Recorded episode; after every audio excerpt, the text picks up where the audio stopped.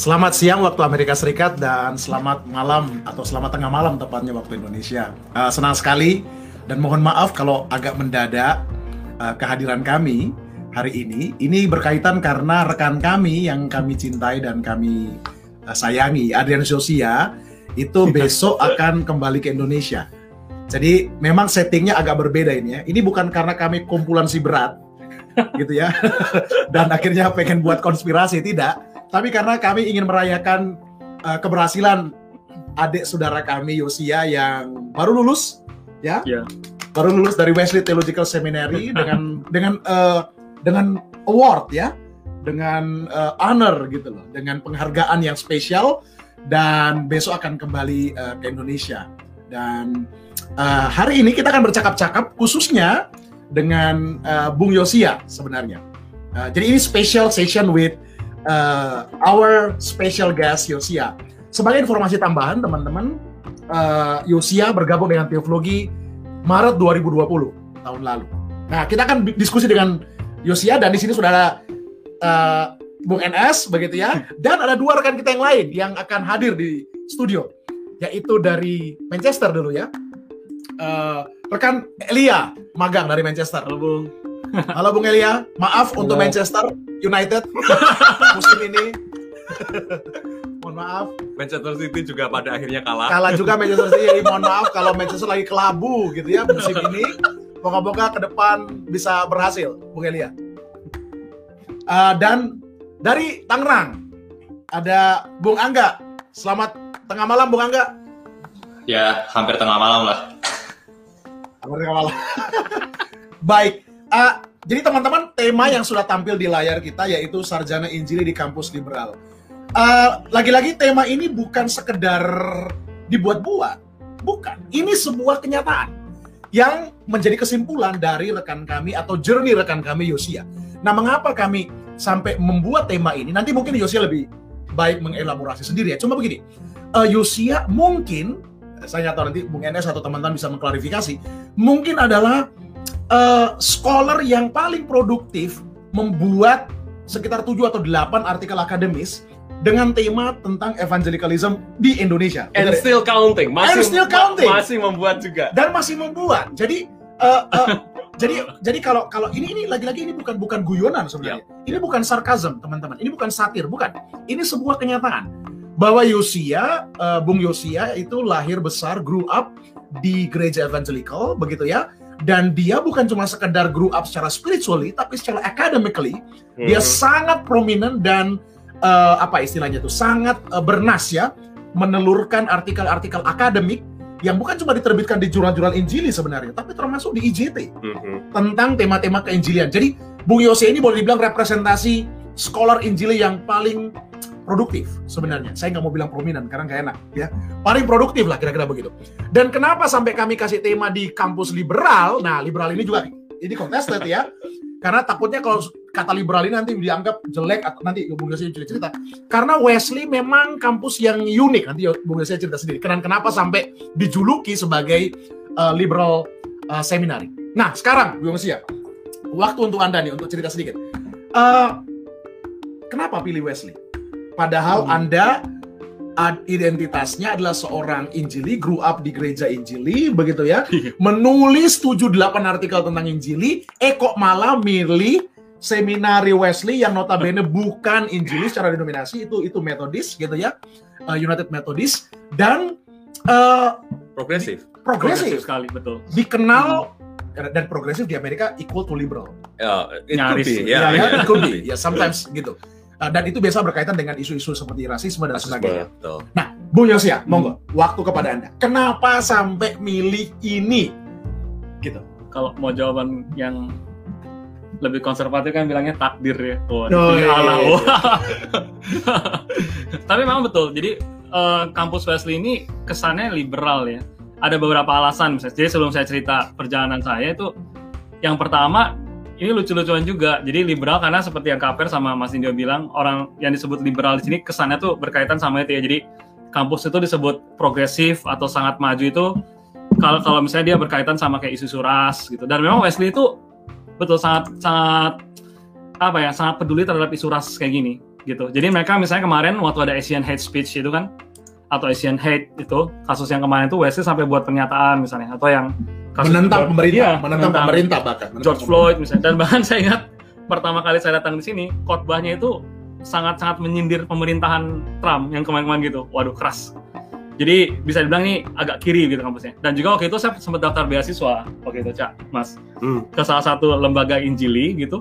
Dan respon mereka itu waktu tahu kampus saya kan saya kasih linknya itu.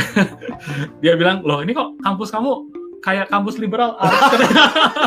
Wah, Antara liberal dengan liberal arts ya, kan, ya, tapi agak jadi- kacau juga ya. Iya tapi tapi kesannya kan kalau bilang liberal arts itu kan berarti udah kayak udah nggak peduli Alkitab gitu. Pendekatannya sosiologis itu mungkin yang yang yang mereka tangkap begitu ya. Jadi iya Wesley ini progresif sekali gitu bisa dibilang. Nah kalau untuk perjalanan saya sendiri kenapa saya ambil kampus ini? Sebenarnya itu lebih berupa pergumulan saya ya. Jadi memang seperti yang Kak Per sudah bilang dulu saya besar lahir di gereja Sampai hari ini masih bergereja sampai, sampai hari di ini gereja Injili. betul Tidak pernah pindah loh pemirsa ya, tidak pernah pindah. Betul. Jadi sampai saat ini saya masih bekerja di gereja Injili. Nah, cuman eh, ya besar dan saya masuk seminari Injili di Indonesia begitu. Dan ya ada satu pergumulan ya, yaitu mengenai teologi publik sebenarnya. Jadi saya melihat kok sepertinya isu-isu mengenai ruang publik atau isu-isu mengenai eh, katakanlah rasisme ya atau isu-isu sosial itu jarang sekali dibicarakan, terutama di golongan Injili begitu. Nah ini akhirnya membuat saya tuh jadi tertarik ya untuk mendalami. Makanya waktu saya ngambil skripsi di eh, seminari Alkitab Asia Tenggara waktu itu, topik yang saya ambil sebenarnya tentang teologi publik. Jadi bagaimana seorang katakanlah Injili itu bisa berpartisipasi ya dalam ruang publik yang multikultur, terutama di Indonesia begitu. Nah dari sini saya merasa apa yang saya pelajari itu kurang ya, begitu. Jadi karena saya tadi bilang golongan Injil ini kan jarang membahas ini, jadi isu-isu ini kurang dibahas sehingga saya berpikir saya perlu meluaskan cara pandang saya gitu. Nah, eh, akhirnya ketemulah Wesley. Nah, gimana bisa ketemu Wesley? Sebenarnya waktu itu karena saya ketemu salah satu dosen di sini, Satya Nathan Clark. Nah, ternyata saya baru tahu juga dia sampai sekarang masih jadi tokoh Dalit yang terkemuka di dunia ini begitu. Dalit Teolog- itu apa bu? Mungkin bisa. Dalit itu jadi teolog eh, teologi pembebasan ya, tapi akarnya dari pengalaman orang-orang apa itu yang paling dah eh, Dalit itu Dalit. semacam mungkin apa ya? di Non India ya, non kasta. non kasta di India. Di luar kasta, Di luar outcast. kasta, betul. Ya, dan, Outcast. dan itu lebih parah daripada kasta. Betul. Betul. Sudra itu sudah menderita, tapi mereka lebih Masih menderita iya. karena Betul. mereka di luar, tidak dalam sistem kasta. Betul, jadi pakai liberation kan Iya. katanya. Nah, dia salah satu tokoh yang sampai sekarang masih diakui tokoh Dalit begitu. Nah, dari situlah saya kenal Wesley. Nah, waktu saya cek Wesley, wih ada Center for Public Theology begitu. Lalu juga di sana kalau saya lihat lulusannya itu kebanyakan kayak menyatu lah dengan kehidupan politik Amerika. Dan apalagi bagi saya membuat saya sangat tertarik Wesley itu, dia di Washington DC Ya. begitu kan, Ibu kota. pusat dunia men. Pusat kekuasaan. pusat kekuasaan. Kalau pusat dunia New York City. Ya nggak terima nanti NS. Pusat masalah Pentagon. kalau Oke. kalau pusat sejarah Philly. Kami sejarah doang. Boston dong. Oh, oh rasisme ya. kemarin baru aja ke sana. ya ya jadi jadi waktu itu karena karena melihat isu-isu ini dan juga kecocokannya. Jadi saya memang pengen belajar tentang teologi publik dan apalagi saya lihat kurikulumnya waktu itu. Jadi kan Hmm. bahasa etika, rasisme begitu. Wah, cocok nih. Gitu. Ya wes hajar Wesley gitu ceritanya. Eh pas coba daftar eh dapat dapat beasiswa juga gitu. Jadi ya kira-kira gitulah singkatnya gitu. Beasiswa tertinggi kalau nggak salah ya Bu Kes ya. Ya, paling prestisius. Paling prestisius yang pernah diberikan di Wesley Theological Seminary. itu itu Iya. penting juga untuk Iya. teman-teman yang tertarik untuk uh, mengambil kuliah lagi di uh, luar negeri ada uh, venue-venue ada tempat-tempat untuk kita bisa mendapatkan beasiswa. Dan betul. uh, sekarang Bung Yosia uh, menuntaskan itu. Dan juga sebentar lagi ada rekan kita. Ah. siapa itu nanti kita akan undang Iya. juga supaya dia juga boleh sharing bagaimana kiat-kiatnya mendapatkan beasiswa dan beasiswa yang prestisius di sekolah yang prestisius juga. Begitu Nah, tapi kembali kepada Bung uh, Yosia ini sekarang. Bung Yosia mau melanjut lagi Enggak sih. Aku mau bertanya nih sekarang. Ada ada ada beberapa layers pertanyaanku, tetapi yang pertama aku aku mau mau uh, masuk ke trajektori Anda terlebih dahulu. Pada waktu Anda menulis uh, tesis MDiv di seminari Alkitab Asia Tenggara itu kan tulisan Anda mengenai interreligious ya Betul, kan betul. dialog Betul. begitu. Dari perspektif eh, teologi eh, evangelical bagaimana kontribusi dan bagaimana per- peran serta teologi evangelical, teologi Injili dalam percaturan eh, interreligious dialog begitu. Nah, setelah trajektori itu menurut Anda ketika masuk di Wesley eh, Anda merasa bahwa ada perubahankah, ada pergeserankah, ada perluasankah, atau bahkan Anda tidak mendapatkan yang Anda harapkan? Oh, tidak. Malah saya setelah masuk Wesley itu merasa isu-isu yang dulu eh, saya ingin kejar itu malah lebih tajam. Jadi, jadi maksudnya, eh, jadi sebagai tambahan sedikit yang mungkin memperdalam, jadi eh, sebenarnya pertanyaan besar yang ingin saya jawab waktu di tesis saya dulu, waktu di S1 itu, sebenarnya bagaimana sih hidup yang Alkitabiah itu? Itu kan pertanyaannya gitu ya. Kan, Yohan kan sering Injili, kan Injili. Oh iya gitu ya. memang. kan sesuai tema. masih Injili Paul dulu. Jadi ceritanya kan bagaimana hidupnya Alkitabiah tapi dalam lingkungan yang multikultur dan multireligious kan gitu. Nah waktu itu makanya saya ingat saya pakai pendekatannya kan pakai drama ya, drama Van Hooser karena kan dia menarik ya. Jadi dia kan idenya menghidupi Alkitab itu kayak menghidupi drama gitu ya. Jadi kita kayak menghadirkan Alkitab itu dalam kekinian gitu. Nah tapi waktu saya di situ saya lihat jadinya umum sekali gitu Hmm. gitu kan. Nah, ya misalnya kepelbagaian, lalu bagaimana cara saya melihat yang lain, misalnya gitu kan. Nah, waktu di Wesley, saya misalnya salah satu pelajaran yang saya ambil itu Jesus through the eyes of other world religion gitu. Nah, di situ jadi belajar kan, nah, misalnya agama lain, ya tentu perspektif Kristen sekali kan. Bagaimana melihat Yesus misalnya. Nah, ternyata banyak sekali perspektif tentang Yesus. Orang Buddha ada cara pandangnya sendiri, misalnya orang Islam ada cara pandangnya sendiri. Lalu bahkan yang saya kaget itu apa ya kemarin ya Hindu misalnya macam-macam gitu kan ya. Waktu itu saya paling kaget yang Buddha sebenarnya. Jadi ada ada klaim kan bahwa Yesus tuh 30 tahun kekosongan Yesus itu dia pergi ke itu Himalaya, Tibet. Jadi Buddha karena pengajarannya kan itu banget. Wah, menarik sekali. Nah, dari situ yang saya lihat justru cara pandang ini mempertajam sebenarnya skripsi saya sebenarnya. Nah, misalnya yang kedua juga yang saya perhatikan yang yang saya paling berkesan itu is- misalnya di, di Wesley ini pendekatannya pendekatan etika. Begitu. Jadi misalnya contoh-contoh pendekatan etika itu kajian negara agama itu seperti apa misalnya. Lalu katakanlah eh, filsafat politik misalnya begitu kan. Nah, justru saya pikir dulu kalau bicara tentang Indonesia kan bicara tentang multireligious dan juga eh, multikultur itu kan sekatnya itu kan selalu dalam ruang ini ya, ruang publik Pancasila misalnya begitu kan. Nah, ini kan sebenarnya bicara tentang apa? Negara agama, filsafat politik begitu. Jadi justru yang saya perhatikan nggak tahu ya, maksudnya nggak tahu ya apa yang maksud bergeser ya. Tapi yang saya lihat malah bukan bergeser, bergeser dalam arti lebih tajam malah begitu. Dan juga spektrum pembahasan yang saya bahas jadi jauh lebih luas Hmm. dan lebih menarik jadinya gitu. Nah, makanya di sini saya lihat bahwa ketika saya di WS ini saya dapat tools ya, alat gitu untuk menggali lebih dalam sebenarnya. Jadi entah ya Saya boleh saya boleh pertajam nggak? Pertajam Boleh. pertanyaan ya, dengan dengan yang lebih mungkin gimana gimana. eh, karena ini kan kadang-kadang ada mitos-mitos ya. Iya masuk ke liberal berubah Iya. geser. Eh, eh, Jadi nggak percaya Tuhan. Mitos-mitos yang juga kita pernah dengar kan. Iya, Kita iya, sa- iya, iya. Kita satu sekolah. gitu. Iya, iya, iya. Jadi contoh begini, saya contoh gini. Ada yang bilang, oh mereka kasih beasiswa karena me- mereka pengen kamu berubah. Iya kan? Oke. Iya kan? Jadi, jadi jadi misalnya contoh, oh kenapa kenapa sekolah-sekolah eh, Katolik, kenapa sekolah-sekolah yang tidak eh, evangelical itu kasih beasiswa, sedangkan sekolah-sekolah Injil itu tidak kasih beasiswa? Which is itu the facts gitu kan?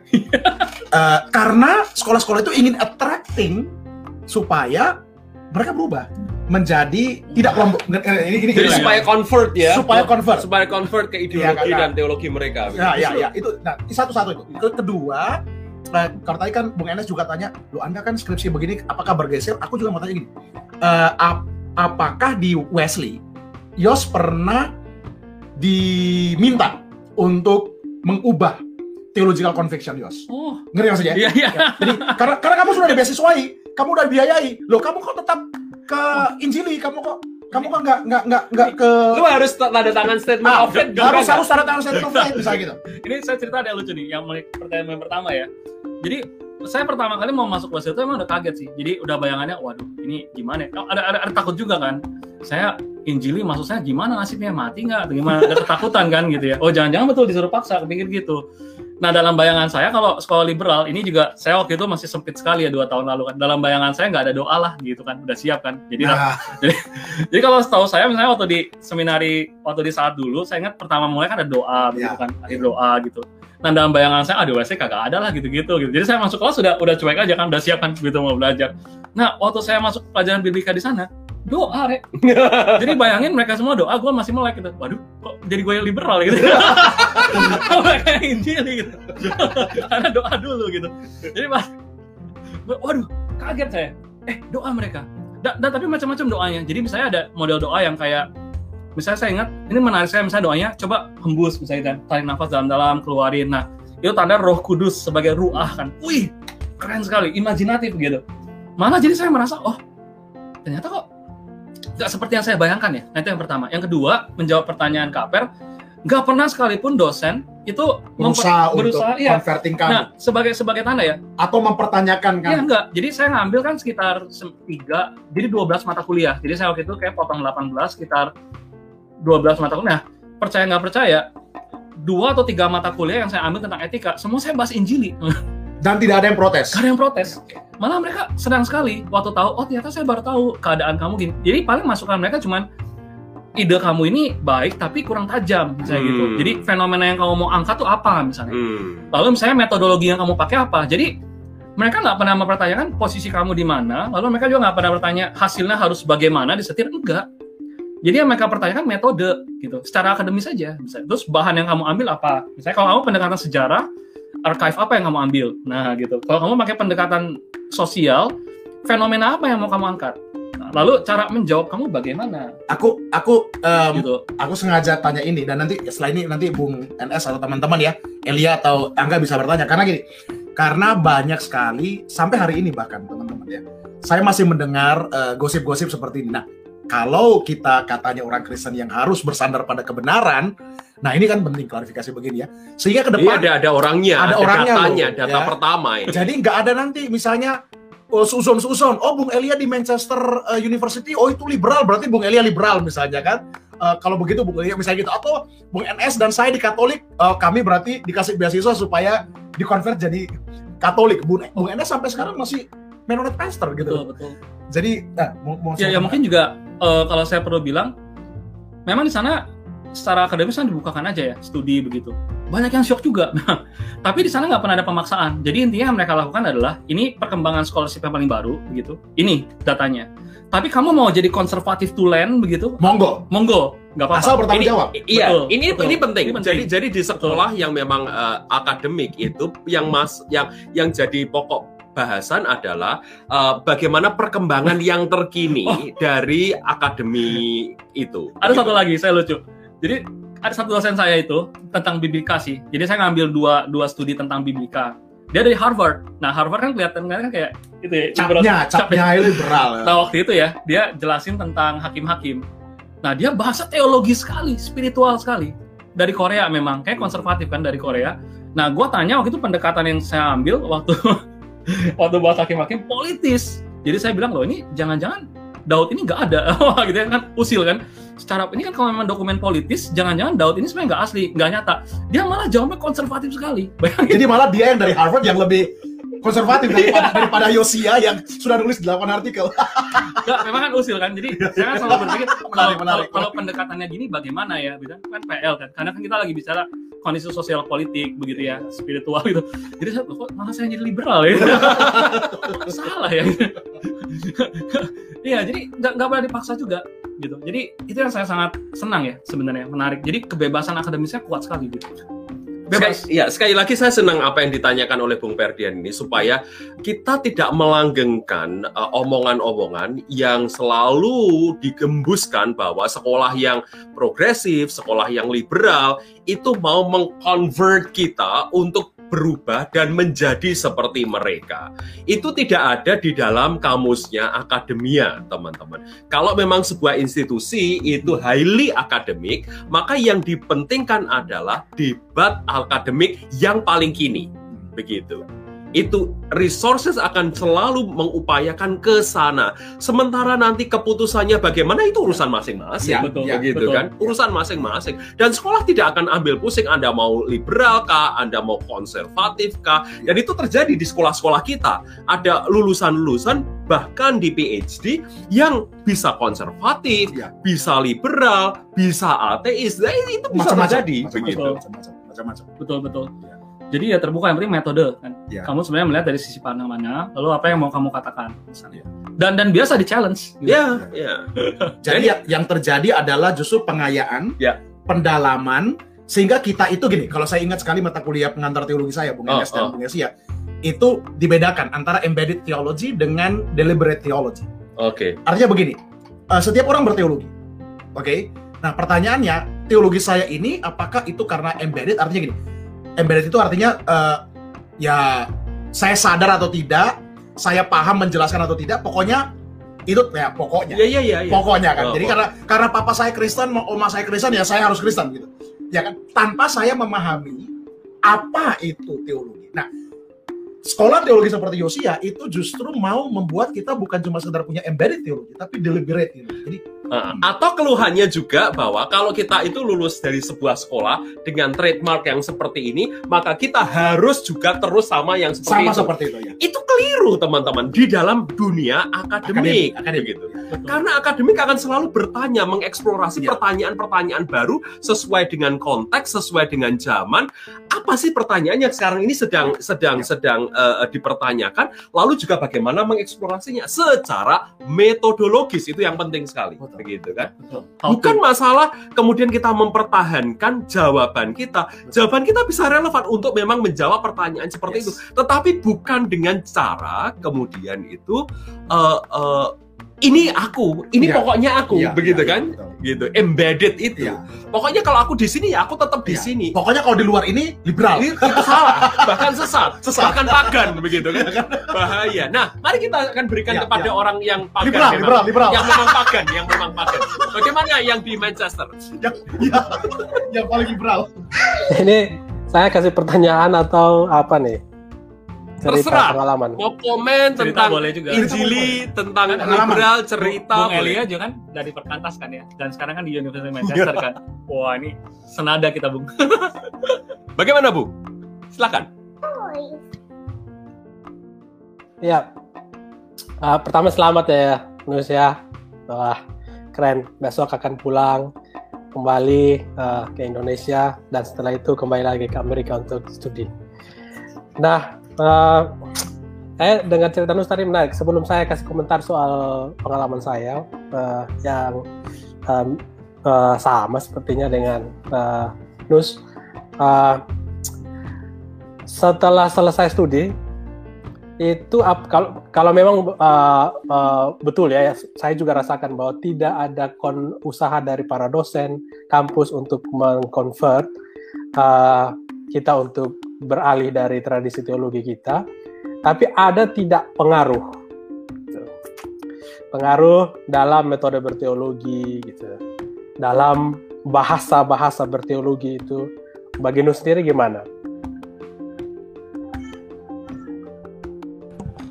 terima kasih untuk pertanyaannya Bung. Ini bagus sekali. Betul. Kalau dibilang ada nggak pengaruhnya? Ada. Jadi eh saya mendaftarkan minimal berapa ya? Coba nggak bisa bilang tiga ya. Ini janjinya kalau udah tiga nanti di dua macet kan jadi nggak jadi tiga ya. yang pertama yang saya bayangin bahasa ini. eh misalnya dulu ketika saya bilang masalah diskriminasi misalnya, sebelum saya masuk ke Wesley, saya nggak nggak tahu ya diskriminasi itu sebenarnya apa misalnya atau rasia, rasisme itu apa sebenarnya. Nah, tapi setelah masuk sini kan diperkaya ya. Jadinya ada semacam saya bilang gramatika yang baru ya, yang saya pelajari misalnya. Nah, jadi kalau misalnya dibilang ada nggak? Ada minimal dalam hal ini misalnya. Lalu yang kedua, nah mungkin cara berpikir ya, gitu. Jadi saya dapat banyak nilai bagus itu waktu ngambil pelajaran teologi, gitu. Begitu masuk biblika, habis nilai saya gitu. Ternyata yang yang saya lihat metode cara berpikirnya orang biblika itu beda ternyata sama berpikirnya orang teologi gitu. Nah, jadi kalau saya kan tipenya abstrak ya, konseptual begitu. Lalu juga kurang tajam ya. Kan kalau bimbing kan harus secara tajam gitu ya, ngelihat teks gitu. Nah, ternyata dari metodologi yang saya perhatikan bisa berpengaruh juga begitu. Nah, yang ketiga yang saya pengen, nah berarti kan kayak seakan-akan gini, kalau itu berpengaruh berarti mengubah diri saya dong. Nah, mengubahnya dalam arti dari situ saya bisa belajar dari yang lain sebenarnya. Dalam arti ketika saya mengenali muaf rangka yang baru misalnya, tentu kan identitas saya yang saya dibesarkan dari oh ya sebagai contoh gini. Waktu sebelum saya lanjut waktu saya ikut EER tahun 2008 atau 2019 dua tahun lalu 2019 EER Amer San Diego. Iya di San Diego Academy American American Academy of Religion. Kan itu barengan sama SBL ya waktu itu Society of Biblical Literature. Nah waktu itu ada dua pertemuan yang saya ingat sekali jadi yang pertama itu saya ikut kelasnya dosen saya. Jadi waktu itu kan saya cek dosen-dosen saya siapa yang presentasi kan. Kebanyakan biblika yang gitu presentasi. Jadi saya ikut ke SBL dan di sana percakapannya macam-macam. Jadi misalnya ada yang saya ingat ngelihat apa ya Hagar waktu itu ya teks Hagar terus pakai ini pakai neuroscience gitu dilihat gitu keren kan lalu saya tem eh, dosen saya bahas uh, kasus yang Raja Aram gitu ya yang mandi di sungai itu siapa ya? Itu sama Naaman. Naaman sama ini kan yang dari Israel itu ya budak dari Israel itu. Nah dosenku ngelihat pakai sisi trauma misalnya trauma perang. Nah waktu aku dengar apa yang mereka ngomong aku cepat sekali nangkepnya. Jadi oh kenapa mereka ngambil sudut bidik ini? Lalu kenapa mereka harus ngambil metode ini misalnya? Nah tapi satu sisi yang lain saya ikut kelas waktu itu bukan kelas ya pertemuan tentang dekolonial waktu itu afek teori tentang postkolonial dekolonial kan. Waduh waktu masuk selama dua jam tuh waduh aku menderita tuh. Nggak ngerti belas kan ngomong apa ini orang ini. Benar-benar nggak ngerti. Nah ternyata dari situ saya belajar karena saya latar belakangnya seorang injili gitu ya. Nah ketika masuk yang alkitab alkitab cepat menangkapnya. Tapi begitu masuk yang dekolonial postkolonial itu kan ide yang baru sekali bagi saya kan. Nah ini lama sekali nangkepnya. Nah makanya dari sini menyambung apa yang Bung Elia bilang yang tadi dua poin di atas saya bilang di sini jadi semacam ada dialogis ya gitu. Jadi satu sisi di sini justru saya jadi melihat diri saya yang dibesarkan dalam tradisi Injil ini ternyata ada kuatnya juga gitu kan di, di sisi pembacaan Alkitab misalnya. Tapi satu sisi yang lain saya jadi lihat oh saya ada kelemahannya juga ya dalam pembacaan. Jadi kayak semacam ada dialogis itu gitu kan. Gitu. Tapi apakah itu mengubah concern mendasar saya misalnya agar seorang itu dapat bagaimana misalnya pertanyaannya kan seorang Kristen itu dapat berbuat sesuatu dalam ruang publik tidak gitu. Jadi satu sisi apa yang saya pelajari itu menantang saya untuk melihat hal yang baru, tapi satu sisi yang lain juga memberikan saya kerangka yang lebih luas ya untuk melihatnya gitu. Tapi concernnya tetap sama. Gitu. Kalau bagi saya sih gitu ya pengalaman saya pribadi. Saya, gitu. saya boleh tambahin sedikit nggak yang karena saya pikir apa yang Bung Elia tanyakan dengan penjelasan Yus itu uh, related juga dengan apa yang terjadi belakangan ya khususnya dengan uh, misalnya pandangan negatif terhadap critical race theory, oh, yo, yo. Uh, terhadap feminisme. Karena begini, nah tadi Bung Yosia mengingatkan saya, saya cuma takut begini, gara-gara kita tidak memahami language itu, kemudian kita langsung mengatakan, oh itu jelek. Betul, betul. Saya kan Critical, karena kalau karena kalau karena, karena kalau critical race theory itu kan memang dia harus belajar cultural studies dan macam-macam begitu. Dan takutnya karena kita tidak terbiasa, karena kan kultur evangelicalism itu kan betul, sangat betul. sangat uh, biblisis ya, apa istilahnya? Bible centris, mm-hmm, ya kan? Mm-hmm. Nah jadi harus ada ayatnya. Harus ada ayatnya gitu kan. Uh, lagi-lagi saya tidak bermaksud negatif, yeah, sama yeah. saya tidak negatif. Saya cuma mengatakan bahwa jangan sampai hanya karena bahasa itu. Tadi saya suka Bung Elia hmm. waktu bilang menemukan language. Jangan sampai hanya karena language itu tidak ada tidak ada dalam vocab saya. Saya langsung mengatakan, oh itu buruk. Tadi barusan di Facebook saya lihat ada satu teman yang baik sekali gitu. Uh, dia praktisi mm. uh, Bung Enes ya, Bung mm -hmm. Uh, dia bukan akademisi, cuma saya kaget sekali. Oh, baik Dia pelayanan sosialnya baik Cuma saya kaget waktu dia posting sesuatu dan langsung mengatakan bahwa critical race theory itu buruk. Uh, ya itu, itu itu itu yang saya saya saya sayangkan itu.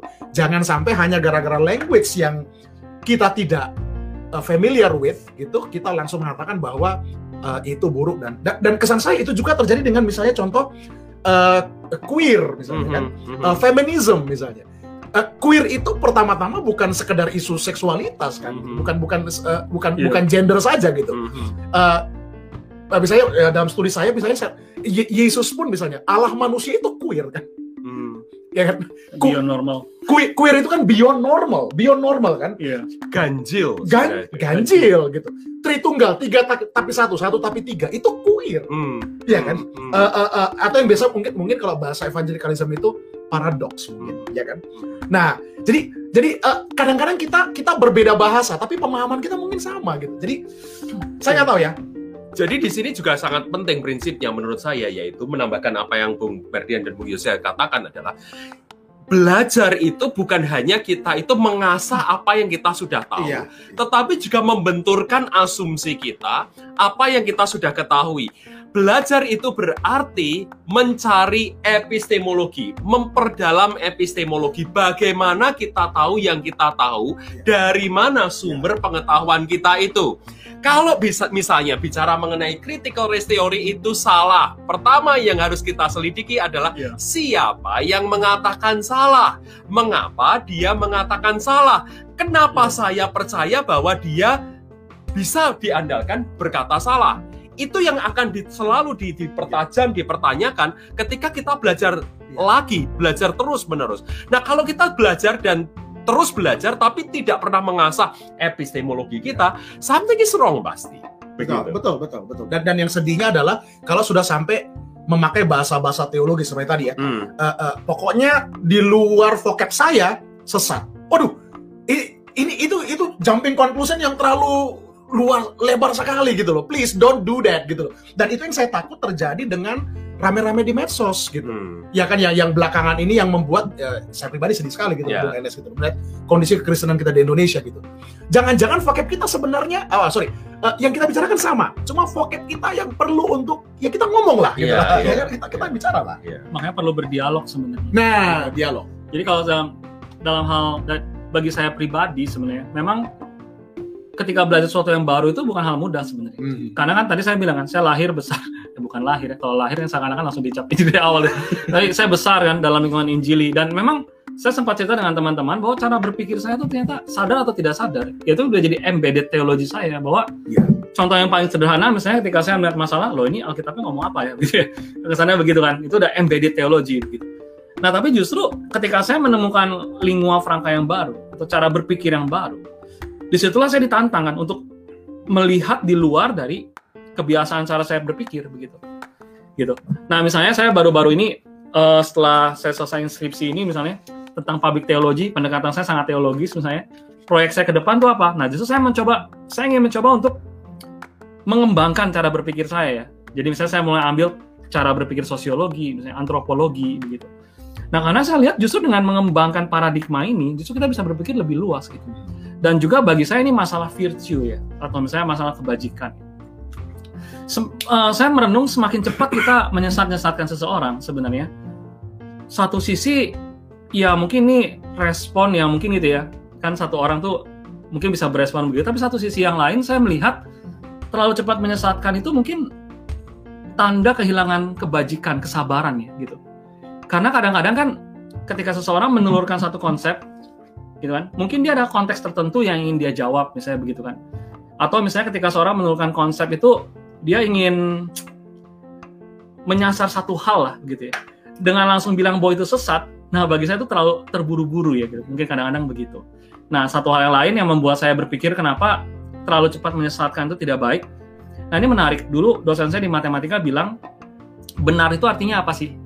Nah kan semua tidak salah. Eh tidak ya semua tidak salah kan artinya. Benar itu itu semua tidak salah.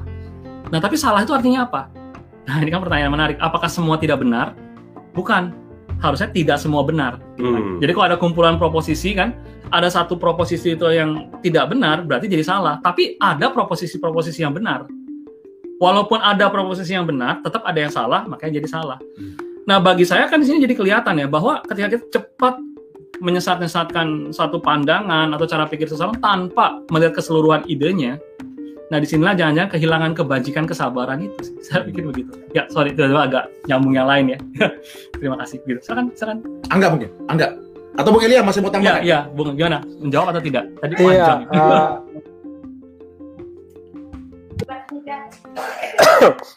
nah, eh, saya itu menarik ya, Yos. Itu persis seperti yang saya juga alami gitu. Karena saya studi S2 juga di kampus liberal, uh, bukan bukan Injili, tapi gado-gado itu uh, di Adelaide College of Divinity, Flinders University.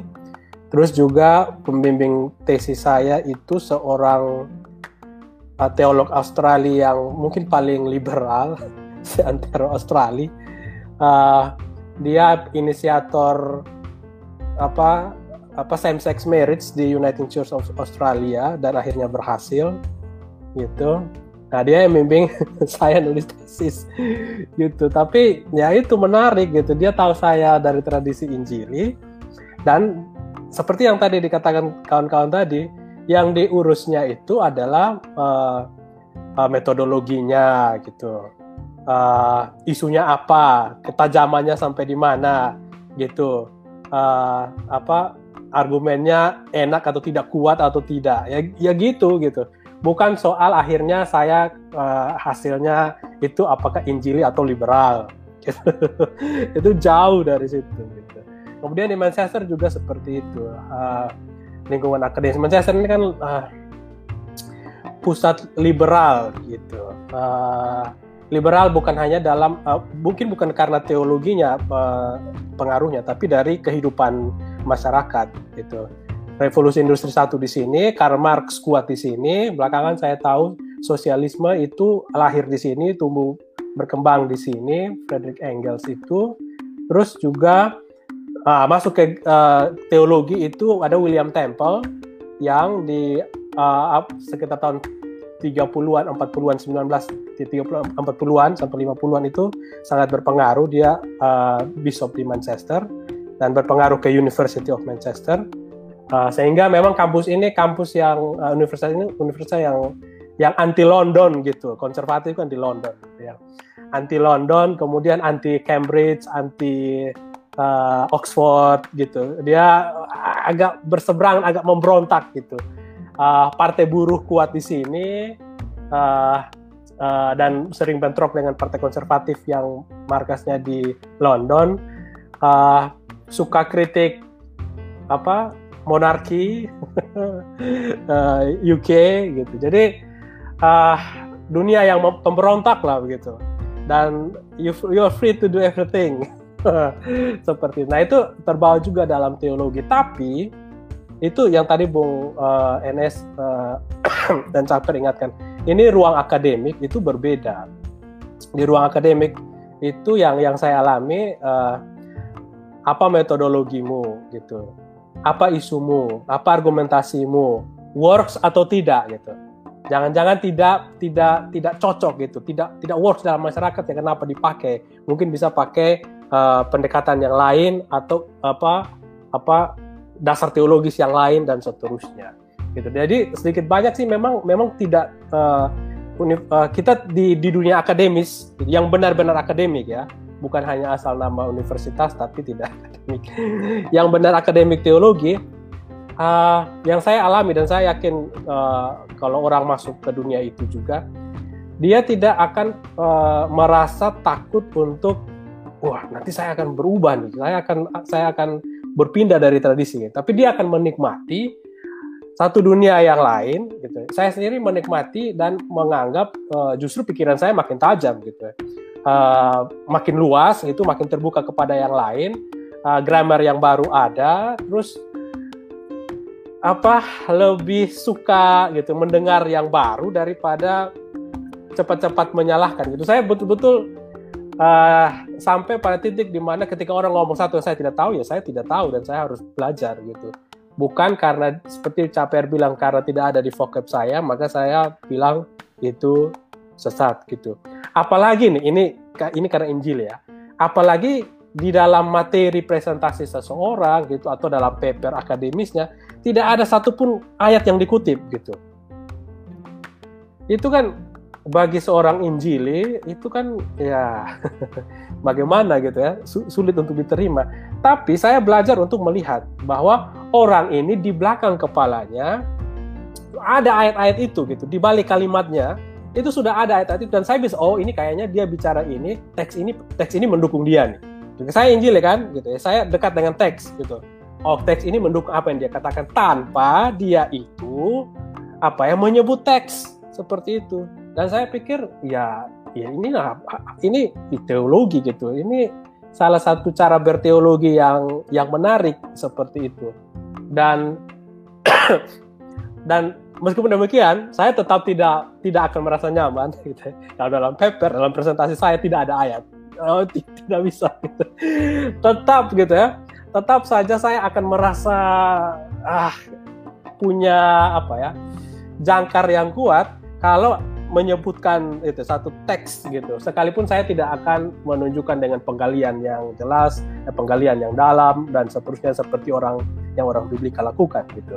Tapi kan memang ranah saya kan bukan mencari makna teks kan, tapi membawa makna teks ke dalam dunia. Nah, membawa dunia yang dunia misalnya dunia ekologi misalnya, ini sudah ada gramarnya sendiri gitu, sudah ada perdebatannya sendiri yang tidak peduli dengan Alkitab gitu, yang tidak berjangkar pada Alkitab gitu. Dia sudah punya bahasa sendiri dan dia sudah punya manfaatnya bagi uh, bagi dunia ekologi gitu. Kalau saya bawa teks Alkitab dan tidak ada manfaatnya, kalah manfaatnya dari yang grammar orang-orang ini, vocabulary orang-orang ini ya ya percuma lah gitu, akan ditertawakan gitu. Nah, karena itu maka uh, ketika uh, betul tuh kalau mau bawa ke masalah publik gitu, ya harus tahu apa yang dibicarakan publik gitu. Bagaimana itu uh, kita bisa masuk ke situ dan membawa apa yang uh, bisa uh, menjadi kontribusi dari tradisi kita. Nah, saya sendiri sih uh, kuliah di University of Manchester. Uh, gereja saya di gereja Injil yang konservatif di sini,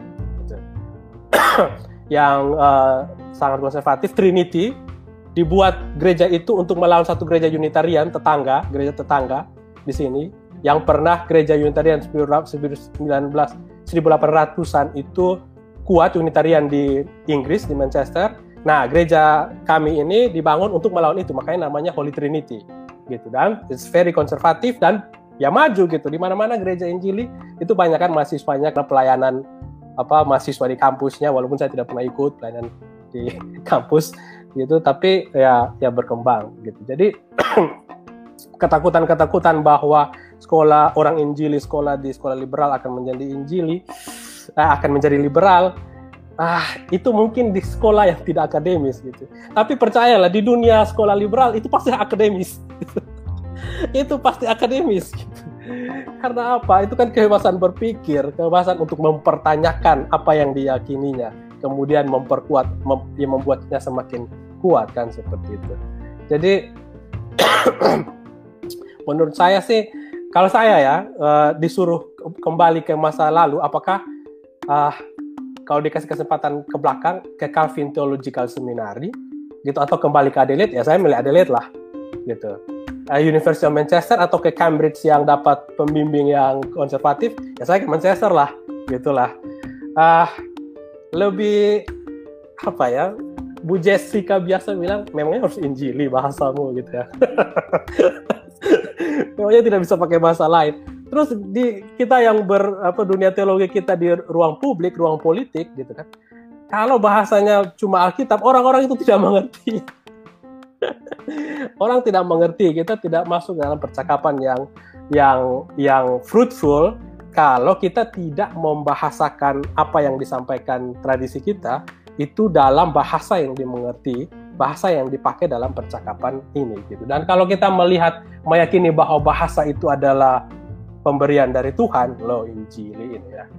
Pemberian dari Tuhan gitu ya. Diciptakan oleh Tuhan gitu. Maka ya bahasa orang yang liberal, bahasa dunia yang sekuler, ya dari mana asalnya? Masa dari Lucifer gitu ya. Memangnya Lucifer ada gitu ya. ya, ya seperti itu. Jadi uh, bahwa saya terpengaruh mungkin terpengaruh bahasanya gitu ya uh, jujur lah kalau saya bandingkan dengan sebelumnya bahasa teologi saya mungkin berbeda gitu ya. Uh, dengan bahasa uh, Injili ayat-ayatnya makin sedikit gitu tapi makin dalam juga sih.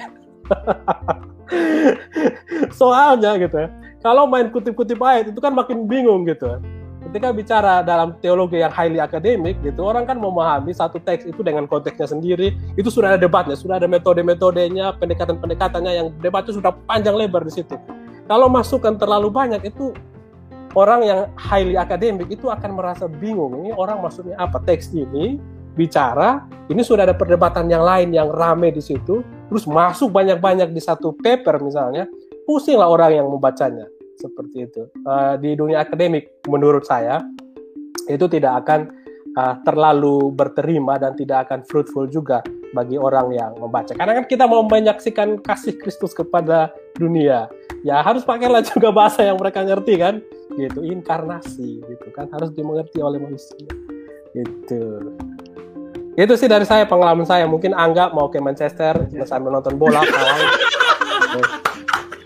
Manchester itu nyata. Nanti bro. Enggak, enggak, monggo bukan enggak, mau komen enggak. Delapan kalah akan Manchester City. Bukan Manchester, bukan Manchester United, justru itunya Red Devil-nya, Lucifer-nya tuh. Oh iya ya. Iya iya. Eh sebelumnya congrats ya Yos, ditunggu nanti ke Jakarta kita ketemu ya. Mungkin aku mau protes dulu dong sedikit dari tadi highly akademik highly akademik aku offended nih. Emang cuma orang akademik yang boleh punya metodologi benar berteologi. Emang orang awam nggak boleh? Nggak benar ini. Terlalu elitis ini teologi. Iya. Enggak, bukan. Enggak, sorry, sorry enggak. Uh, uh, akademik bukan ber- jadi mungkin uh, yang yang persoalannya kan kadang-kadang itu uh, kategorinya laity dengan rohaniwan ya. Everybody's Iya. academics ya. Jadi ya, sorry, uh, maaf kalau ada kebingungan. Anda juga akademik kok di sini. bercanda bercanda bercanda. Iya, aku juga nggak tahu ya. Topiknya tadi menarik ya. Eh, tapi maksudku, aku pengen maksudnya ngomong gitu. Menurutku ya eksplorasi kayak kalian teman-teman semua kan belajar teologi di sekolah gitu. Jadi bebas ber- bereksplorasi. Kalau itu cuma jadi haknya orang-orang yang punya kesempatan sekolah, lalu nanti orang-orang yang nggak bisa sekolah ikutin aja apa kata pendetamu di gereja, ikutin apa aja apa yang ya terbatas ini. Sedangkan terus tadi sama-sama setuju nih. Aku kesannya bahwa oh ter- ternyata terkadang kita butuh vocabulary lain, kita punya butuh tools lain kan untuk bisa berdialog sama dunia. Kalau aku bilang justru harusnya kan jemaat lebih butuh dong. Jemaat yang tiap hari kayak aku yang tiap hari bergaul di dunia sekuler, ketemu banyak orang, lebih butuh dong ketimbang kalau aku ngomong frankly speaking mungkin hamba-hamba Tuhan pendeta-pendeta yang bergerak di dunia-dunia yang memang akademik kalian kan eksplorasi karena mungkin ketertarikan dan pergumulan tapi kan jemaat butuh itu karena itu di mana dia hidup contohnya mungkin kan kita tahu rekan-rekan kita beberapa yang akhirnya anak-anak muda di kayak sekolah eh, logos yang butuh political theology butuh teologi yang lebih critical race theory, feminis feminis teologi, itu kan mereka lebih butuh. Kenapa butuh? Bukannya karena pergumulan sendiri, tapi ya kebutuhan dia loh. Nah sekarang kalau di, di dalam gereja tradisi tertentu kita bergereja dan gereja nggak bisa kasih. Alasan nggak bisa kasihnya apa?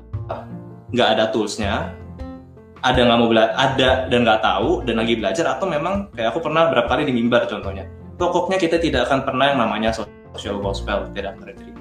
Loh, maksudku ya orang kita butuh kok, yuk nggak mau terima ya gimana jadinya jemaat gimana gitu. Nanti jemaat cari dibilang liberal. Iya, kalau aku sih lebih ke situ ya. Jadi aku sih berharap ya kalau memang harus ke kampus yang katanya liberal tapi itu useful kenapa enggak? Katanya faith seeking understanding bukan underseek, bukan understanding yang kasih faith kok takut gitu kan. Jadinya lucu juga ya. Itu aja sih kalau komenku sedikit. Ya, ya. Aku aku jujur tertarik dengan uh, kalimat Angga tadi ya. Dan uh, Angga, I'm so sorry to hear your story gitu. Dan mungkin juga story dari teman-teman. ah, Lagi-lagi aku nggak suka pakai istilah uh, Awam. awam ya. Itu itu sangat sangat Denigrating. iya merendahkan, humiliating gitu ya. Karena uh, kalau kita lagi-lagi, maaf Bung Elia Firman Tuhan mengatakan di Ibrani kan, kita semua ini imamat yang rajani loh. Oh maaf. Ya, itu artinya kan, Tapi reform masih kurang, anak baptis yang melakukannya. loh aku kan juga di anak baptis seminar. Saya anak baptis want to be. Iya kan? Jadi uh, thank you Angga untuk uh, untuk highlight itu karena benar sekali kata Angga dan dan kalau boleh saya tambahkan nggak mungkin begini. Justru apa yang Angga katakan itu jangan-jangan keresahan banyak orang sebenarnya. Itu keresahan banyak maaf lagi-lagi tanda kutip kaum laity yang tidak ditangkap oleh clergy gitu. atau oleh clergy kemudian di shutdown dan dengan mudahnya lah seperti tadi yang uh, Bung Elias atau uh, uh, uh, Nus dan Bung Enes sudah elaborasi uh, vocab yang tidak sama uh, atau mungkin maaf uh, Bung Angga mungkin juga karena agenda agenda gerejawi ya kan yang memang juga harus diakui ada sisi politis Nah tadi malam kami ngomong dengan Greg dan uh, kawan kami Greg yang juga pernah ngajar di CRS, sekarang dia kuliah di Union, uh, bilang satu hal yang bagus sekali sambil joking sebenarnya. Emangnya ada gereja nggak politis? Ya kan? Nah, art artinya begini, politis bu bukan bukan berarti jelek, bukan. Politis artinya bahwa memang kan polisi itu kan politik itu ilmu pengaturan kan sebenarnya. Politik itu jadi gereja itu kenapa memang ada aspek politis karena ada aspek pengaturan. Artinya enggak kadang-kadang tata gerejawi yang bis, uh, apa uh, bicara aspek pengaturan itu mungkin bisa mengecewakan uh, kaum awam karena ada hierarki itu ya enggak ya kali ya yang yang buat mereka juga clergy di bawah juga akhirnya terikat dengan apa ini hierarki dan uh, kepemimpinan itu. Nah nah nah, nah nah mungkin mungkin nggak aku nggak tahu. Apakah mungkin ini jadi angga ini mungkin masukan yang baik sekali juga untuk gereja. Hmm. uh, perlu ada internal dialog gitu loh uh, dalam gereja sendiri gitu kan. Karena saya yakin enggak uh, deng dengan dunia yang berubah seperti ini nggak nggak mungkin lah gereja itu uh, steril gitu kan. Dari dari dari apa yang terjadi dengan dunia gitu. Misalnya isu Black Lives Matter gitu kan. Mau mau seberapa kuat sih gereja mau bilang, oh Black Lives Matter itu nggak penting gitu. Oh rasisme itu nggak ada di kekristenan. What the heck gitu kan. Betulkah gitu? Oh feminisme itu liberal, liberal atau uh, alkitabiah? Loh, seberapa kuat gitu uh, gereja? Makanya makanya yang sangat penting ya tadi menurut aku adalah epistemologinya. Iya. Lo taunya tuh dari mana? Exactly, exactly. Kamu percaya bahwa iya. itu benar itu bagaimana? Betul, betul. Cara penarikan kesimpulannya bagaimana? Seperti mm -hmm. itu mm -hmm. menurutku. Mm. Dan dan mungkin saya pikir tambahan sedikit dari teman-teman ya. Uh, ini saya tambah kisah saya sedikit lagi ya. Jadi waktu saya bahas skripsi itu kan saya banyak bahas Jurgen Moltmann ya gitu. Waktu nggak pertama terima kasih nggak ya sudah memberikan masukan yang kritis ya dan bagus. Maksudnya ini kan mendekonstruksi ya. Karena kebanyakan di sini kan studi teologi ya. Jadi terima kasih banyak loh sudah memberikan masukan yang bagus sekali kan dari sudut pandang yang lain. Nah saya sebenarnya akan masuk ke ke situ. Tapi yang saya pengen cerita gini waktu saya baca Jurgen Moltmann saya lihat ternyata misalnya kayak dia bahas teologi of hope ya itu sebenarnya kayak eksegesis sih. Kayak kalau teman-teman tertarik Jurgen Moltmann tuh dia banyak eksegesis sih. Jadi Moltmann tuh dibilangnya teolog sistematik tapi sekarang kok kayak teolog biblika ya banyak eksegesisnya gitu. Nah, tapi yang menarik bagi saya waktu saya lihat tulisan dia ya, saya lihat loh, sebagian yang dia pikirkan sudah pernah saya pikirkan, misalnya begitu. Atau misalnya waktu yang dia bilang apa, eh pengkhotbah saya, misalnya misalnya pendeta saya gitu, pernah ngomong, pernah ngomong gitu, kasarnya gitu. Dari situ saya sadar satu hal, Moltmann itu dan di autobiografinya misalnya di A Broad Place itu ya Moltmann kan cerita dia nggak pernah nyangka misalnya teologi of hope-nya dia itu bakal menyebar sampai seluruh dunia begitu yang dia tahu dia waktu itu bikin itu cuma buat grup KTB-nya dia gitu waktu itu. Eh tiba-tiba dibaca menjawab pergumulan zaman pada waktu menyebar dia bilang begitu. Nah jadi yang saya refleksikan dari situ apakah Moltmann tuh jadi lebih hebat dari misalnya kita yang membaca dia begitu? Enggak juga.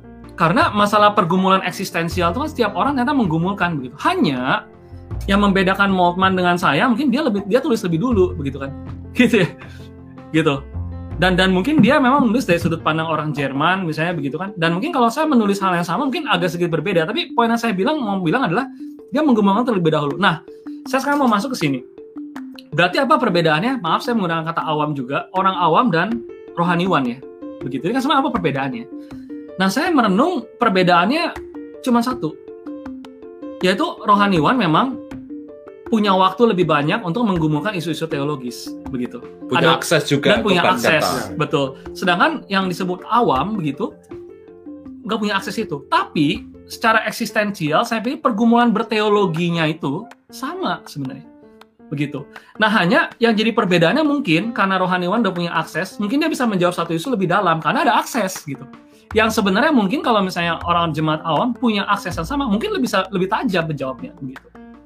Jadi saya melihat in a sense bahwa ini cuma masalah ini ya yang, yang dapat kesempatan atau tidak begitu. Nah makanya uh, oh satu lagi yang saya pikir. Nah apakah jemaat awam tidak berteologi? Mungkin najemin yang kaper sama ini ya Mas Indio bilang sebenarnya jemaat awam berteologi hanya mungkin laboratoriumnya berbeda ya. Saya pikir gitu. Kalau orang yang masuk teologi ya laboratorium itu kan buku-buku teologi gitu. Nah, sedangkan kalau yang di jemaat awam mungkin lebih ke arah hikmat ya. Laboratorium kehidupan kan. Berteologi dari pengalaman begitu dan menggumulkan kembali siapa dia, identitasnya sebagai seorang Kristen. Nah, dari sini justru saya pikir ketika ada pemisahan antara yang belajar dan yang tidak belajar, maksudnya secara khusus tadi, ini problematik sebenarnya begitu. Nah, makanya sepakat dengan teman-teman, harusnya mungkin lebih baik ada kultur dialogis tadi akhirnya kan. Bahwa ternyata yang punya laboratorium secara khusus ini bisa diperkaya justru dengan yang ini ya, yang dari laboratorium kehidupan ini kan. Nah, karena ketika saya belajar teologi pun saya makin melihat bahwa kadang-kadang ketika saya bicara dengan kadang-kadang yang disebut jemaat awam, kadang-kadang mereka bisa melihat isu-isu lebih dalam kayak pengharapan misalnya gitu kan. Saya hanya belajar teologi pengharapan dari Jurgen Moltmann. Tapi saya mungkin belum menghidupi Iya. teologi pengharapan seperti yang jemaat awam mungkin yang mereka lakukan. Misalnya mama saya atau misalnya orang-orang yang saya kenal di jemaat misalnya begitu. Nah ini kan jadi sebenarnya bagi saya agak kacau ya kalau kita memisahkan gitu ya. Seakan-akan hanya karena ada gelar, jadi seakan-akan satu lebih baik daripada yang lain. Enggak. Jadi saya pikir mungkin, nah kalau gitu apa gunanya belajar? Ini kan mungkin ini ya yang saya pikir-pikir. Ya mungkin dengan belajarnya seperti yang Angga tadi bilang, ya bisa jadi saling kasih masukan ya gitu ya. Seorang akademia belajar dari yang so-called jemaat awam itu gitu, ya justru bisa mendapatkan satu insight baru untuk berteologi kan begitu. Nah dari hasil-hasil yang dikeluarkan ini bisa memberikan insight juga bagi jemaat untuk lebih dalam melihat kehidupan kan begitu. Nah ketika dia makin dalam melihat kehidupan juga ini jadi insight baru lagi misalnya bagi teolog untuk memikirkan kembali begitu. Gitu. Saya justru berpikir mengharapkan bahwa ya ada semacam dialektika seperti ini ya. Dalam sih? dalam bahasanya Rahner itu kan mestinya itu kan teologi itu kan dimulai dari pengalaman. Hmm. Betul. Dan Pertanyaan. bahwa bahwa pengalaman itulah sebenarnya Hmm. sumber berteologi. Hmm. Yang sayangnya eh, hanya gara-gara Schleiermacher Hmm. kemudian langsung gitu kan sering kali di anatema kan "Wah, apa itu Jadi buruk. dasarnya pengalaman itu?" liberal itu. liberal itu itu nggak ada gunanya loh justru itu jemaatmu gitu loh Padahal saya makar tuh pietis sekali. itu mamah kita itu papa kita bagaimana mereka bergumul dengan pengalaman sehari-hari justru itu tugas rohaniwan itu tugas kita Hmm. iya kan Men- ah, kalau saya pakai bahasa Bung Elia tadi menemukan grammar untuk experience mereka gitu loh Hmm. kan itulah tugas teolog Ya. bukan menganatema pengalaman jemaat gitu loh. nah jadi eh, itu ya, ya, sedih saya sebenarnya Bung Angga waktu dengar anda sharing itu karena eh, resource berteologi yang paling abundant itu sebenarnya ada di Jemaat. di jemaat sebenarnya. Ya, yang beberapa kali dipertanyakan kan juga seperti ini. Perbedaan antara teologian, eh, teolog-teolog yang profesional dengan pendeta-pendeta jemaat. Ya, yang biasanya ya, ya. terjadi ketegangan. Ketegangan juga, ya. Dan ketegangan ini biasanya Gen X, Bung. Iya ya. Gitu kan? Gen X yang ah, aku nggak mau mikir yang teologis-teologis karena ini sudah Ya. berat gitu. Tapi boomer susah, lebih parah. Boomer lebih parah. Oh. Ya, kita ngomong nggak ngomong kalau sebentar, udah. sebentar, generasi kalian. Kalian. Enggak, bi- biasanya kan begini. Jadi eh, terjadi ketegangan antara pendeta dengan teolog begitu. Ini yang profesional ini ya. Nah, eh, saya selalu mengatakan karena di diri saya satu sisi pendeta dan di, di- yang satunya lagi kan juga teolog. Maka sebagai sebagai pendeta dan sebagai teolog, yang yang saya pesankan dan saya eh, nasihatkan kepada teman-teman adalah, ayo kalau kita itu berteologi, berteologilah bersama dengan pendeta jemaat. Kalau kita menyembah Tuhan, ah, ya kalau kita menyembah Tuhan, kita menyembahlah bersama dengan teolog-teolog. Itu berarti terjadi sinergi yang baik, yang yang mutualistik antara keduanya. Nah, saya mau broaden ini, broaden dengan bagaimana dengan kenyataan awam. Apakah awam bisa berkontribusi dalam teologi gereja? Itu kan itu kan biasanya nggak nggak ada tempatnya begitu. Iya. Eh, orang yang berteologi di kalangan jemaat dianggap berbahaya. Nanti kalau liar, nanti kalau sesat, nanti kalau eh, eh, nggak ada at- dasar-dasarnya bagaimana begitu kan? Udah ada kuda-kuda. Padahal menurut saya ini kontribusi yang sangat penting dari jemaat yaitu kita bisa memperkaya dan kita bisa mem- mem- mem- mem- mempertanyakan ulang teologi kita.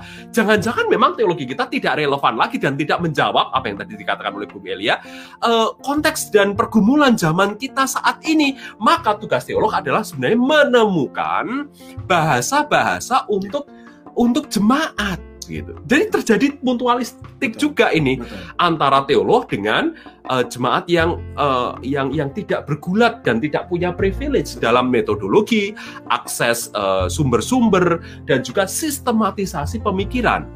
begitu. Tapi sekali lagi ini bukan privilege dari teolog-teolog yang punya kemampuan yang seperti ini. Ini ada dua orang yang langsung uh, angkat tangan ini.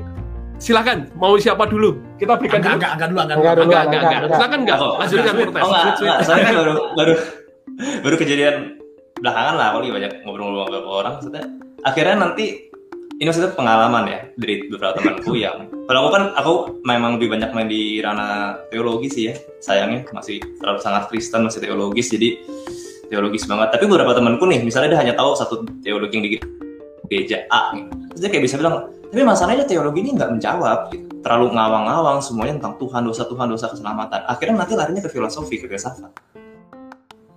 Karena filsafat untuk dia memberikan explanation yang lebih komplit memberikan penjelasan. Nah di satu sisi kalau aku bilang lah kalau aku daripada begitu ya mendingan kita kasih ya sebenarnya nggak ada salahnya dengan filsafat karena untuk kan filsafat dan teologi ada berkelindan ada dialog kan Cuman nanti di satu sisi kan pendeta biasanya nggak suka kan kalau jemaatnya mainnya kasih filsafat karena merasa ya tentu asumsi dasar umumnya filsafat filosofi asumsi dasar tidak ada Tuhan.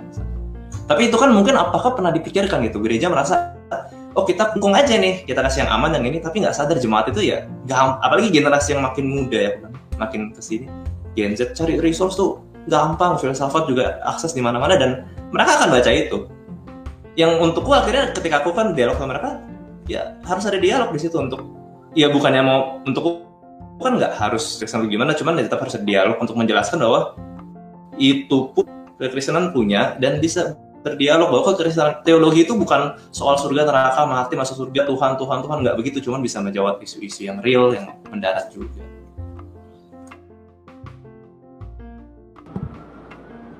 Silakan Bu. Thank you enggak. Nah ini dalam kaitan ini saya pernah diskusi ini uh, soal bagaimana uh, awam, kayak pakai bahasa lagi awam sorry enggak, awam dan uh, teolog ini uh, di dalam di dalam gereja dalam jemaat. Karena saya bahwa saya setia loh ke gereja.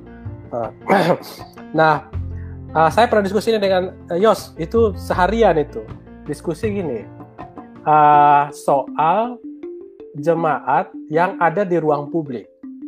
Itu jemaat yang ada di ruang publik dengan bahasa publik, pergumulan publik. Gitu. Ketika dia datang ke gereja, apa yang ada dalam pergumulan publik itu tidak ada dalam bahasa-bahasa, narasi-narasi liturgi, narasi-narasi khotbah. Gitu. Tidak ada. Nah, ini ini pengalaman saya gereja di sini, gereja konservatif, Injil konservatif ini. Uh, beberapa kali dalam ibadah saya tidak menikmati khotbahnya gitu. Tapi saya menikmati doa syafaatnya. Karena doa syafaat itu yang yang selalu pimpin itu adalah jemaat jemaat gitu biasa bukan yang para pendeta. Dan dalam dalam doa syafaat itulah teologi jemaat itu terdengar gitu. Sekalipun mungkin itu tidak dianggap teologi oleh uh, para pendeta di sini mungkin gitu ya karena injili gitu ya. Nah, misalnya waktu pernah kejadian yang tragedi yang benar-benar miris itu seorang perempuan yang jalan malam di daerah London kemudian diperkosa dan dibunuh gitu disembunyikan. Dan itu itu peristiwa tragis yang diratapi oleh orang uh, Inggris lah gitu sampai orangnya orang Scotland. Jadi orang Scotland juga uh, uh, meratapi itu. Dan masuk di dalam gereja gitu tidak keluar dalam narasi khotbah gitu karena biasanya khotbah kan teks uh, satu teks satu kitab gitu kasih habis seperti itu. Tidak keluar situ tapi keluar di doa syafaat dan yang doa syafaat itu seorang perempuan seorang ibu gitu dia berdoa minta Tuhan menolong kami untuk membesarkan anak-anak kami sudah supaya menghargai perempuan. Gitu. Gitu. Nah saya oh ini kan ini kan yang di, dibicarakan teologi publik teologi politik teologi feminis itu teologi pembebasan ini kan isu-isu begini. Tapi tidak pernah selama saya bergereja sini hampir tiga tahun yaitu tidak pernah itu muncul dalam khotbah. Tapi orang ini bisa sampai ke situ gitu sampai kepada apa yang dia tidak didengarkan dari gereja. Tapi kalau dia misalnya dengar apa yang teologi publik, teologi politik atau teologi feminis bicarakan, dia akan dengar itu, gitu isu-isu berkaitan dengan itu. Sama juga dengan yang uh, waktu kemarin sidang George Floyd itu. Di gereja seorang bapak ya, kulit putih, dia berdoa itu. Dia benar-benar memohon kepada Tuhan supaya memberikan keadilan kepada George Floyd dan keluarganya, gitu, supaya pelaku benar-benar dihukum, kebenaran benar-benar diungkap. Gitu Nah ini kan something sesuatu ya. Memang gereja kami pendukung BLM sih, uh, konservatif Injil tapi pendukung BLM. Tapi kan bahasa-bahasa itu itu kan tidak mereka uh, mereka dapat dari khotbah-khotbah. Itu penggalian teks. Ya Injil kan penggalian teks kan itu saja. Sampai boring juga kadang saya gitu. Karena yang saya baca lebih maju dari apa yang disampaikan oleh pendeta gitu.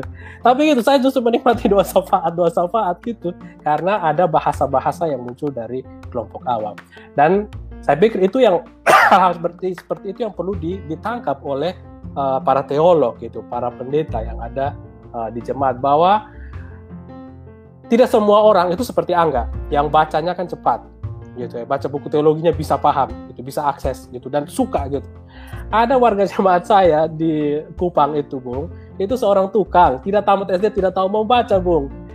Gitu. Tidak pergi ke gereja karena dia tidak bisa buka Alkitab buka kidung jemaat gitu ya mau ngomong apa dengan orang itu? Dia tidak peduli dengan teologi macam-macam. Dia hanya peduli dengan today saya makan apa? Istri anak saya makan apa? Itu saja uh, pedulinya. Dan teologinya ber, berputar di situ. Seperti itu. Atau ada seorang kawan di sini seorang perempuan PhD student juga asal Cina yang di Belanda gitu. Dia menjadi Kristen di Belanda. Tapi jadi Kristennya karena apa? Saya tanya apakah karena uh, ada yang memberitakan soal surga neraka? Tidak bukan diberitakan dan dia dari tradisi Pentakosta di Belanda gitu. Dia bertobat bukan karena diberi uh, di, ditantang kamu nanti mati masuk surga atau neraka tidak gitu. Tapi bahwa Tuhan ada bersama-sama dengan dia dan penderitaannya hari ini di Belanda gitu. Jadi saya tanya jadi kamu butuh surga? Tidak tidak saya tidak butuh surga. Yang saya butuh dan saya menjadi Kristen adalah karena saya tahu dan saya rasa Kristus bersama-sama dengan saya dalam pergumulan saya sekarang ini gitu. Jadi ya agak pengalaman ini selain mahir gitu ya jadi, jadi seperti itu gitu. Jadi ruang-ruang itu saya pikir yang mau sebenarnya uh, perlu bagi para teolog untuk uh, mendengarkan. Dan yang dibilang Bung NS tadi gitu soal kalau menyembah libatkan teolog dan teolog kalau berteologi libatkan pendeta jemaat atau uh, warga jemaat gitu itu menjadi sangat penting. Karena di situlah akan membuat ada interseksi yang membuat teologi itu menjadi hidup. Kalau tanpa itu gitu ya ya teologi kita pasti kan ya hanya menjadi konsumsi ruang akademis yang tekstual, conference gitu ya, seminar, jurnal artikel dan seterusnya tanpa ada menjadi sesuatu yang real dalam kehidupan uh, bergereja. Itu saja yang bisa tampakkan sih, Bung.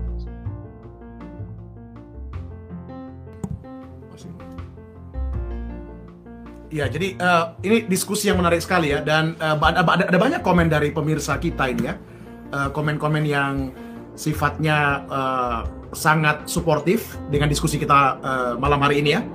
Dan juga ada pertanyaan misalnya dari Bung uh, Liverpool ini. Kira-kira bagaimana di program S1-nya? S1 mungkin lebih banyak pembentukan karakter dan cara pandang dunia, tidak hanya akademis. Atau kata Patrick uh, Denin, liber, uh, libertas Kristiani tidak. Wah, menarik. Eh, wah, ini ini istilah menarik ini. Libertas Kristiani tidak sama dengan uh, liberal gitu. Menarik. Thank you, thank you untuk untuk uh, komen-komen dan pertanyaan. Kalau nggak salah Bung Aldi Afdila juga punya komen yang menarik ini. Nah, uh, ini tentu topik yang lain gitu ya. Kita tidak menyentuh uh, hari ini karena ini khusus untuk uh, Bung Yosi ya. Tapi dari diskusi kita ternyata Bung Abdi Aldi Abdillah itu terinspirasi dengan apa yang sedang terjadi di konteks uh, PGI dan kekeseruhan KPK ya. Mm -hmm. Belakangan. Thank you. Dan eh, mudah-mudahan percakapan kita menginspirasi rekan-rekan juga untuk mencermati apa yang sedang terjadi. Uh, mungkin uh, waktu sudah sangat uh, ini ya tidak terasa sudah satu jam lebih. Uh, mungkin terakhir mungkin ke ke ke Bung uh, Yosia ini. Uh, saran-saran apa Bung Yosia yang mungkin bisa anda berikan kepada pemirsa uh, khususnya misalnya yang ingin terlibat? Karena mungkin saya saya baca tadi kan Bu Gasu sudah bilang bisa di Wesley. Ini nggak apa-apa kita promosi sekolah. Iya, iya, iya. nggak apa-apa. Nggak apa-apa ya. Bagus kok sekolah bagus. bagus. Sekolah bagus kan? Nah, uh, bagus. Betul. Dan, dan saya sempat lihat uh, di Wikipedia saya sempat lihat informasinya ternyata uh, Wesley Theological Seminar itu punya Church Center for Theology and Public Policy. Mm-hmm. Jadi buat teman-teman yang tertarik untuk belajar dan itulah kenapa sebabnya lokasinya di Washington DC.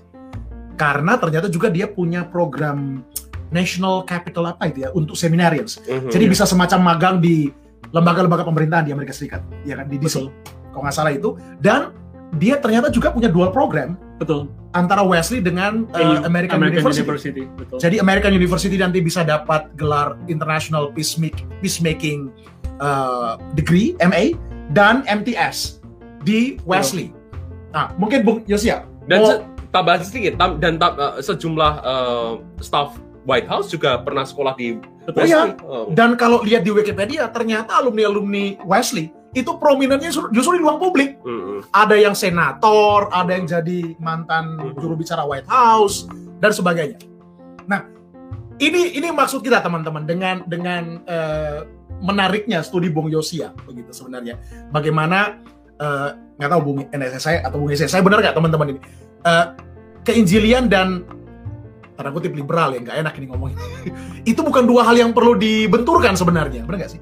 Ya, saya setuju catatan sedikit juga dan dan saya sebenarnya agak agak risih harus katakan kalau Injili itu kemudian hanya merujuk kepada satu tradisi ya. eh, satu kelompok eh, orang Kristen yang terbatas sekali. Padahal kita tahu sejarah dan etimologi evangelical itu Ya. sudah dipakai oleh Ya. gereja-gereja bahkan sejak awal eh, abad pertengahan itu sudah ada Vita Evangelica gitu dan itu orang-orang Katolik, dan Katolik, orang-orang yang Katolik. memang me- mendedikasikan dirinya meninggalkan segala kenyamanan, mereka mau menjadi orang miskin, melayani orang-orang yang eh, sengsara, kaum pinggiran misalnya. Mereka tidak mau bicara mengenai eh, eh, eh, kehebatan mereka dan posisi mereka walaupun eh, semula orang-orang ini orang-orang kaya dari keluarga privilege, dari keluarga keluarga bangsawan. Contoh jelasnya misalnya Francis Assisi, misalnya kan eh, Ignatius Loyola dan sebagainya. Nah, kita bisa melihat itu ada Vita Evangelica. Lalu cuma kalau bicara mengenai evangelical faith, Anabaptis Menno Simons itu pernah membuat doa uh, True Evangelical Faith. Teman-teman bisa bisa Google. Tetapi sekali lagi adalah bicara mengenai evangelical, jangan kemudian kita sempitkan Ya. hanya pada satu orang. Menurut saya adalah not the big L, but uh, not the Ya. capital L, but, But the yeah the, the lowercase. lowercase L begitu. Itu yang sangat penting. Jadi semua bisa evangelical dengan kata Ya, lainnya. Yuk kita jangan menjadi orang yang begitu mudahnya labeling kalau kamu bukan injili kamu liberal. Sebaliknya juga liberal itu harus kita definisikan Ya. juga bung. Eh, liberal itu apa? Apakah ini agendanya Amerika Serikat agendanya eh, Inggris agendanya eh, sekutu agendanya orang-orang luar? Karena Injil yang sejati harus meliberasi Betul, membebaskan. membebaskan Injil yang benar kan memerdekakan orang. Firman Yesus, Tuhan. Yesus Iya. berkata kan, iya kan? Kebenaran itu akan Makanya Yohanes 8 ayat 32 ada ayatnya, Bung. Ayo, saya bisa kutip ayat kan. Anda belum kutip ayat dari tadi. saya sudah. Berani. Angga belum. Saya hampir akan kutip ayat.